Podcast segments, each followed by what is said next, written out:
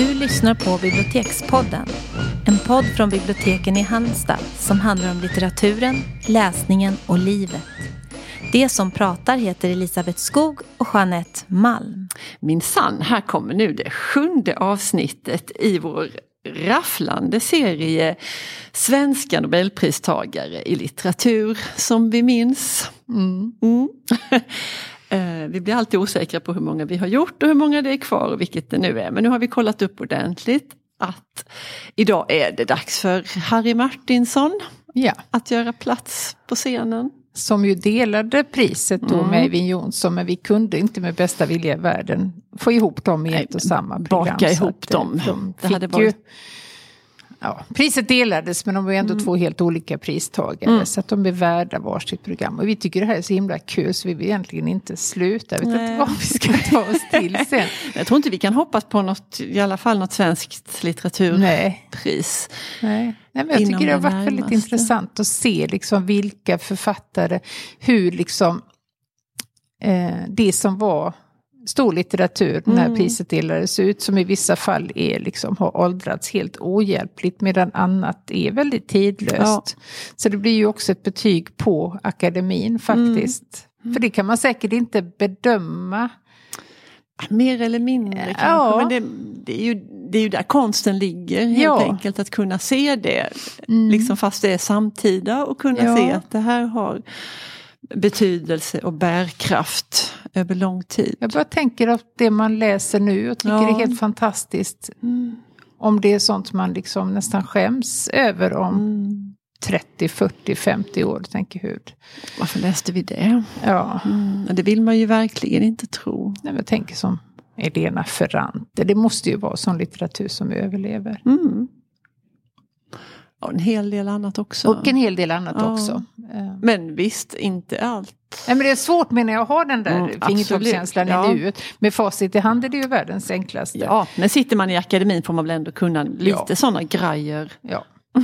Nej, men vi ska prata lite om, om Harry Martinsson ja. då. Eh, och det har varit väldigt intressant att eh, fördjupa sig i hans levnadsöde. Mm. Som man verkligen kan kalla det. Han föddes då 1904 i Blekinge. Och eh, när han var sex år så dog pappan i lungtuberkulos. Mm. Vilket väldigt många gjorde under den här tiden.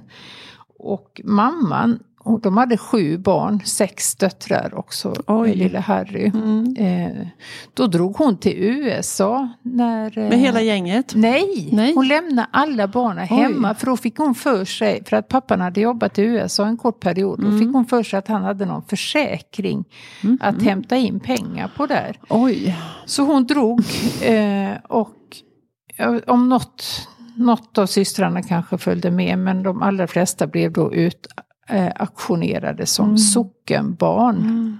Är detta begrepp bekant för dig? Nej, det är det Men det låter ju inte som något kul. Inget kul. Eh, det, var, alltså det var auktion. Mm, det begreppet är ju bekant. Ja. ja. Och då var det alltså den som bjöd lägst mm. jo, som jo. fick barnet. Och för Harry som var sex år, alltså jag tycker det är så hjärtskärande så jag får mm. nästan eh, kramp mm. överallt. Mm. Eh, han auktionerades ut för fem kronor. Mm. Alltså kan du se det här sexåriga barnet där när folk står och liksom vem som ska ha minst mm. för att... Och det var ju han har ju sagt, för han åkte runt i väldigt många hem, att alla var ju liksom inte bottenlöst elaka, men han fick ju ingen kärlek överhuvudtaget. Mm. Vilket då han hela liksom livet led av väldigt mycket, den här kärleksbristen. Eh, men de allra flesta var det för att få billig man såg en sexåring som mm. arbetskraft. Ja, men, men, du, kom mamma någonsin tillbaka? Fick Nej, han någon... träffade aldrig med Han träffade med. aldrig henne. Det sket sig med den där försäkringen? Då, ja, ja, hon ja. fick ingenting. Alltså, det är ganska oklart vad som hände Betty, som jag tror att hon hette där i USA. Mm. Eh, mm. och det var kanske, hon kanske hade bevekelsegrunder för detta, men det, det låter väldigt, väldigt... Låter som ett eh, svårt projekt. Ja, mm. och ett fruktansvärt svek mot mm. barnen som först blev faderlösa och sen så även mamman. Men man hade ju en annan syn på barn såklart på den tiden. Eh, men han fick valsa runt som sagt och han bodde mm. till och med två år på ett ålderdomshem som väldigt litet barn. Mm. Och hans enda eh, liksom ljusglimt under barndomen sa han det var skolan och när han fick en gula läseboken. Och han gick alltså sex år i skolan. Och sen blev han den här liksom Giganten. giganten. Och hamnade såklart i akademin. För det är här också va? Ja då, i princip alla det har vi slutat om. säga nu. Ja, nej, men han satt såklart också då i, i Svenska Akademin eh, tillsammans med Eivind Johnson när de båda tilldelades Nobelpriset år 1974. Ja, men du, vi får höra motiveringen. Ja, det är faktiskt, jag tror nästan det är den vackraste motivering jag vet. För ett författarskap som fångar dagdroppen och speglar kosmos. Mm. Ja, det är fint. Det är ett stort liksom, kliv mellan dagdroppe och och kosmos. kosmos, Och det ja. stämmer ju så väl in på hans Mm. dels naturlyriken och dels den här liksom rymdeposet som Ja. vi ska återkomma till. Mm. Ja, det var Välfångat. fint. Mycket välfångat. Eh, men jag är inte färdig med Nej, nej. Harrys trodde jag levnadsöde. Han var otroligt liksom, eh, spännande och han hade en reslust som var ganska så uttalad. Han blev ju lite av en nomad och han Mm. seglade jorden runt redan som 16-åring. Eh, men till slut då 1927 när han då var 24 år så fick han gå i land för gott för då drabbades han också av eh, lungsjukdom som kanske inte mådde så väl av de här fuktiga och salta vindarna. Han träffade sedermera Moa Martinsson och de gifte sig. Och Moa Martinsson är ju också en väldigt känd Verkligen. författare. Mm. Eh, det var väl inte så lätt alla gånger Nej. dem emellan. Eh, även om de säkert liksom inspirerade varandra. Och det sägs att de gjorde det. Men det var väldigt stormigt och han försökte lämna Moa flera gånger. Eh, och en, en av gångerna har jag läst mig till här så behöll hon alltså hela manuskriptet, det enda som fanns till Nässlorna blomma, Blomma, som är en av hans stora liksom, självbiografiska romaner. Eh, det, det höll hon som gisslan, att kommer du inte tillbaka Harry så tar jag Nässlorna Tutta fyr Ja, och på sig, alltså hon skulle ta med sig det här i döden. Då var han ju tvungen att återvända. Till slut så lämnade han henne i alla fall, för det var ju liksom inte, det var ett ganska ohållbart äktenskap. Hon har också skrivit eh, flera biografier om deras liv tillsammans. Ja. Jag möter en diktare, jag tror Just jag någon det. del heter där. Så jag tror aldrig att de, det var liksom inget hat och ingenting sånt och han var dum och hon var dum och han gjorde det. Utan det var väl att det var två liksom väldigt sköra, de hade psykiska problem Ja. båda två. Att det blev för, för tungt helt enkelt att Mm. leva ihop. Mm. Men eh, det har ju det har inte varit några nidporträtt från Nej. hennes, vare sig hennes eller nej, hans det tror jag sida. inte heller. Nej. Ja, Mm. eh, han har ju gett upphov till enormt många priser eh, i sitt namn. Okej, ja. Eh, Cicada-priset, jag vet inte hur känt eller hur... Nej. Är det något man kan eftersträva kanske? Vad ska jag, man göra då? jag känner inte till Nej. kriterierna, det får vi kolla. Men det är i Mm. alla fall uppkallat efter en av hans diktsamlingar. Mm. Sen är det ju Harry Martinson-priset, Mm. eh, Klockrikestipendiet och eh, Aniara-priset. Aniara-priset. Eh, han har fått också en mängd platser och gator uppkallade efter sig. Mm. Eh, Harry Martinsons väg och Aniara-platsen till exempel. Mm. Och jag tycker en jättefin liten parentes att eh, det var ju ett projekt 1977, kommer du ihåg det? Nej, Nej. jag hade väl annat för mig då.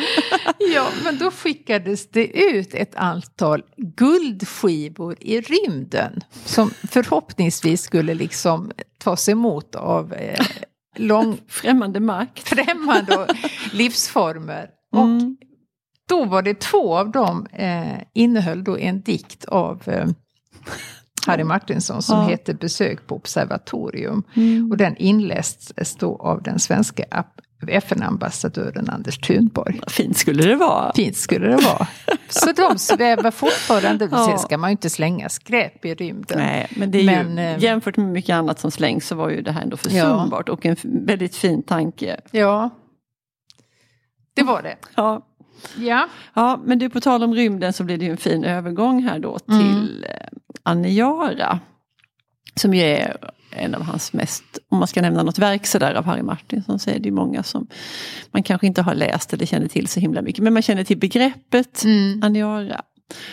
Som ju är, på bibblan står den bland diktsamlingarna, det är ju en, ett diktepos som man kan säga det. Um, sånger? Sånger. Och underrubriken, det visste inte jag, uh, det visste säkert du. en revy om människan i tid och rum. Ja det är vi. Mm. Vad roligt. Ja, det tyckte jag var lite Revy har ju en helt annan en klang. En helt annan klang, ja. ja. Eh, och den publicerades då 1956. Mm. Och Aniara är då ett, ett rymd, en rymdfarkost. Eh, och den eh, alltså, rymdfarkostens uppgift är att slussa iväg människor, transportera massa, jag tror det är 8000 migranter som får plats, vi snackar större farkost eh, som är, är på väg från jorden för här går inte att vistas längre. För och detta skrev han? Ja, det tål att upprepas. 56 publicerades den och ja. han höll ju på i flera år tidigare Så att skriva. otroligt framsynt och nästan ja. visionärt. Det ja. fanns ju det var inte tal om några miljöförsörjningar på den tiden. Ja men det kanske ändå att... Var det det? Jo, 56? men det var det. Jag tänkte Tyst vår och de här böckerna, de kom väl också på... Ja, det är sant. Ja, men i vilket fall som helst så var det ju... Var men det var ju en framskridandets sin... tid men vi skulle bara få det bättre och bättre och bättre. Absolut, ja. Och, ja. Mm. och det var ju inte så många som pekade på några varnings...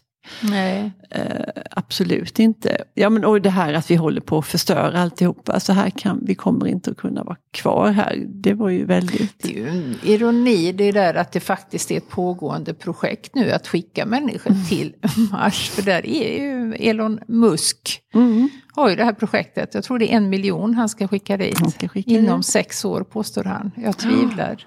Ja, det finns väl fog för sådant tvivel. Skulle du åka med?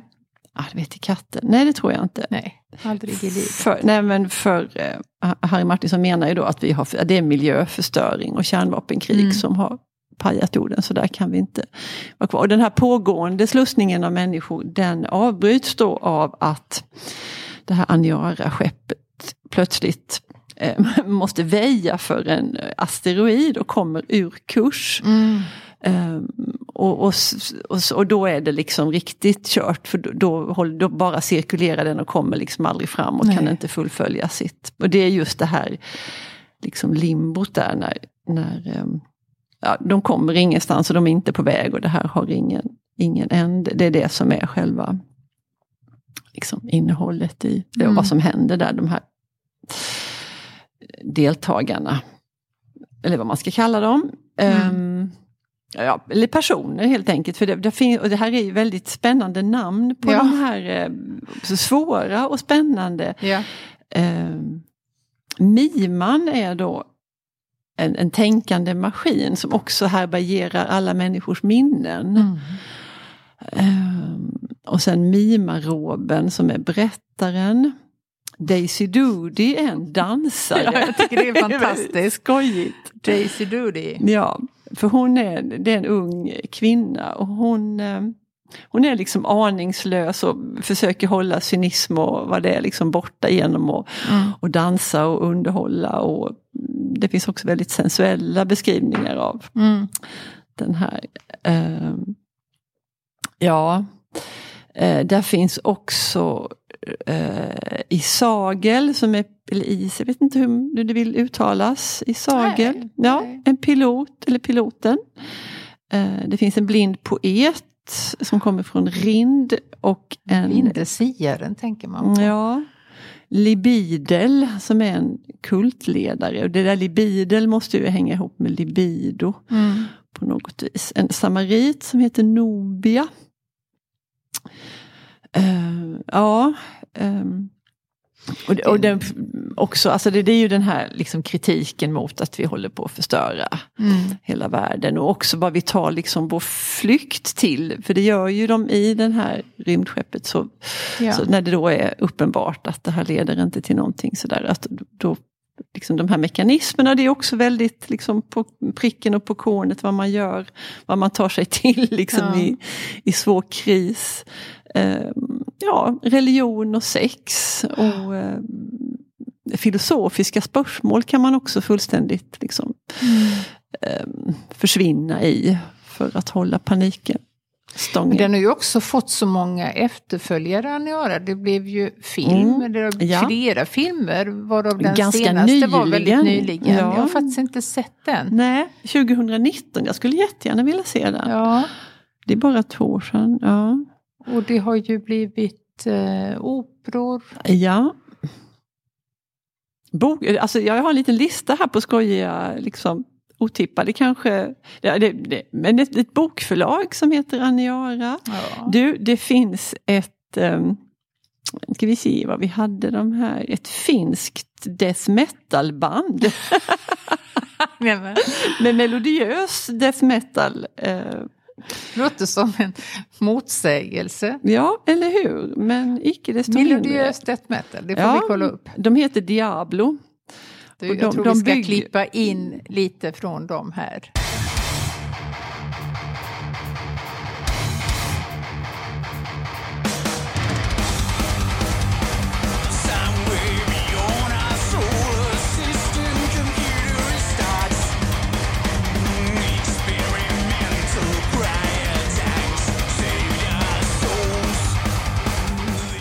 Ja, nej, men som du sa så finns det, det finns Aniara-kören och det finns eh, Aniara-kvartetten, en stråkkvartett. Och det, mm. den, alltså det är ett väldigt levande verk. Ja.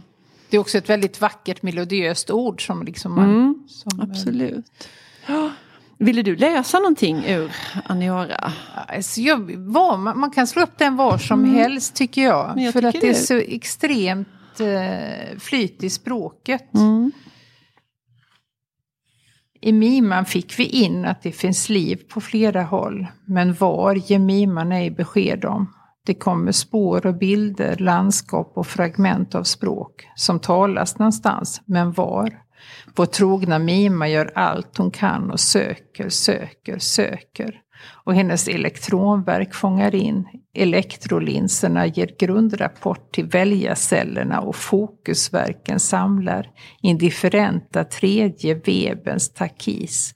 Och bild och ljud och doft går fram ur rika flöden. Mm. Alltså en fantastisk suggestion i det mm. tycker jag i hela texten. Mm. Och så liksom ja, gångbart och aktuellt mm. fortfarande. Det... Ja, det... Och det är väl så att den faktiskt efterfrågas? Ja, det, har det gör det. Ja. Stående fråga. ja, Hur är det, men det kan jag lugna dig med. Ja. Att det är inte så himla ovanligt att den... Nej. Och det är både äldre och yngre som, som frågar efter den. Mm. Så det, ja. Men du, vi hade lite andra böcker som förtjänar att nämnas. Ja, han, han var ju mångsidig för han skrev ju väldigt mycket, han var ju väl främst diktare, skulle ja. vi inte säga det? Jo. Eh, och Aniara då som då väl var, nej den skrev han ju efter han hade fått Nobelpriset. Nej det gjorde han inte alls. Såklart, för han fick det 74. Mm. Eh, nej, men han skrev också ett antal romaner varav flera då var starkt självbiografiska. Och eh, det var Nässlorna blomma och Vägen till Klockrike. Och där är ju huvudpersonen, eh, i alla fall i Nässlorna blomma, huvudpersonen heter Martin då som mm. Martinsson. Och beskriver liksom hans, det här torftigheten och armodet men också kärleken till liksom mm. naturen. Och, mm trösten i den. Eh, och vägen till Klockrike, jag tycker eh, att det är så otroligt fint ortsnamn. Och mm. jag råkar faktiskt veta exakt vad Klockrike är. För jag oh, har du varit där? Ja, Eh, kanske inte inne i själva byn men väldigt, väldigt nära för det ligger då, det här är också ett sånt återkommande att vi nämner Motala i det här programmet mm. och det beror på att jag har en närstående familjemedlem som bor där och Klockrike ligger alltså i Motala kommun, Jaha. jag kör förbi där ofta. Ah. Då tänker jag varje gång ja, jag ser den skylten att åh, då tänker jag här lite ligger grann. vägen till Klockrike, ja. tänker du. Ja. Och den handlar då om eh, vagabonder och luffare mm. och liksom deras hårda liv. Precis precis. Ja, men för det återkommer han väl till. Just det där luffaren ja. Bolle, det är väl hans? Exakt, ja. det är vägen till Klockrik. Ja. Nej, men han hade ju liksom, en, han var ju en, en nomadsjäl. Det heter ju en av mm. hans diktsamlare, heter ju också nomad. Och det, mm. Men samtidigt också den här liksom starka förankringen i det lilla. Ja. Men mm. även i det kosmiska. Ja, så sant. Jag kommer också tänka på den här dikten som man ju tänker på varje juni, den här juni natt blir aldrig av. Alltså, Ja. eh, liknar mest en daggig dag. Slöjlik lyfter sig dess skymning och bärs bort på ljusa hav. Men just det där juni natt blir aldrig av. Nej, det är ju sant. så blir otroligt.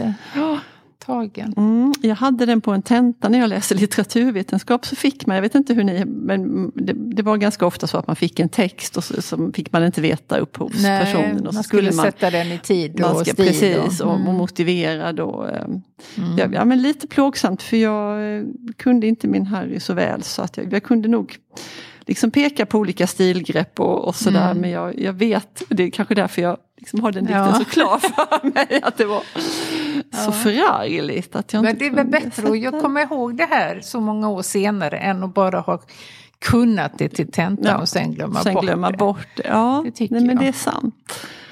Ehm, Ja, Nej men vi får fortsätta att läsa Harry Martinsson och hoppas att andra gör det. Alltså, Mm. Det är svårt också att förbigå hans oerhört tragiska slut. För att det blev ju en väldig debatt om det här Nobelpriset. Mm. Eh, om, eh, för att de båda då, Eivind Johnson och Harry Martinsson, satt i akademin. ja. Eh. jag tycker faktiskt att det blir, jag är inte så, jag tycker men jag förstår det mer och mer ju mer Ja. vi har hållit på med den här. Men och omvärldens dom var hård Ja. och framförallt blev han, han ledsen. han, blev frukt, han var fruktansvärt känslig för kritik. Ja. Eh, alltså när han blev uppburen så var inte, det upp, kunde inte uppväga, du vet, hundra vänliga Nej, ord kan nej, inte nej. uppväga ett Hårt. elakt. Nej. Och så var det för Harry Martinsson. Så den här debatten tog så oerhört hårt så att han blev, sjönk ännu djupare ner i, han hade ju haft eh, psykiska problem Mm. hela livet. Men eh, blev då fyra år efter priset intagen på sjukhus och där begick han självmord med en sax. Nej. Och detta offentliggjordes inte förrän många, många, alltså mer än 20 år senare utan Mm. det sades bara att han hade dött där. Men det var Lars Gyllensten som skrev en biografi där det faktiskt omtalades. Mm. Och det, den starka förtvivlan som ligger bakom något sånt är ju Ja, den kan man ju inte ens nej. föreställa sig. Och det känns väldigt orättvist för att han kan ju inte Nej, lastas för att han tilldelas priset. nej. Och då med det här facitet som vi tycker att vi har Mm. så är han ju jätteväl värd det. Även Mm. om han inte har översatts i så stor grad faktiskt. Och det anses bero på att han är väldigt svåröversatt. Mhm. Men eh, tragiskt. Mycket tragiskt, ja. Och jag tycker liksom ära den som äras bör. Och han som fick priset kan ju då inte rå för att han fick Nej. det. Faktiskt. Nej. Nej.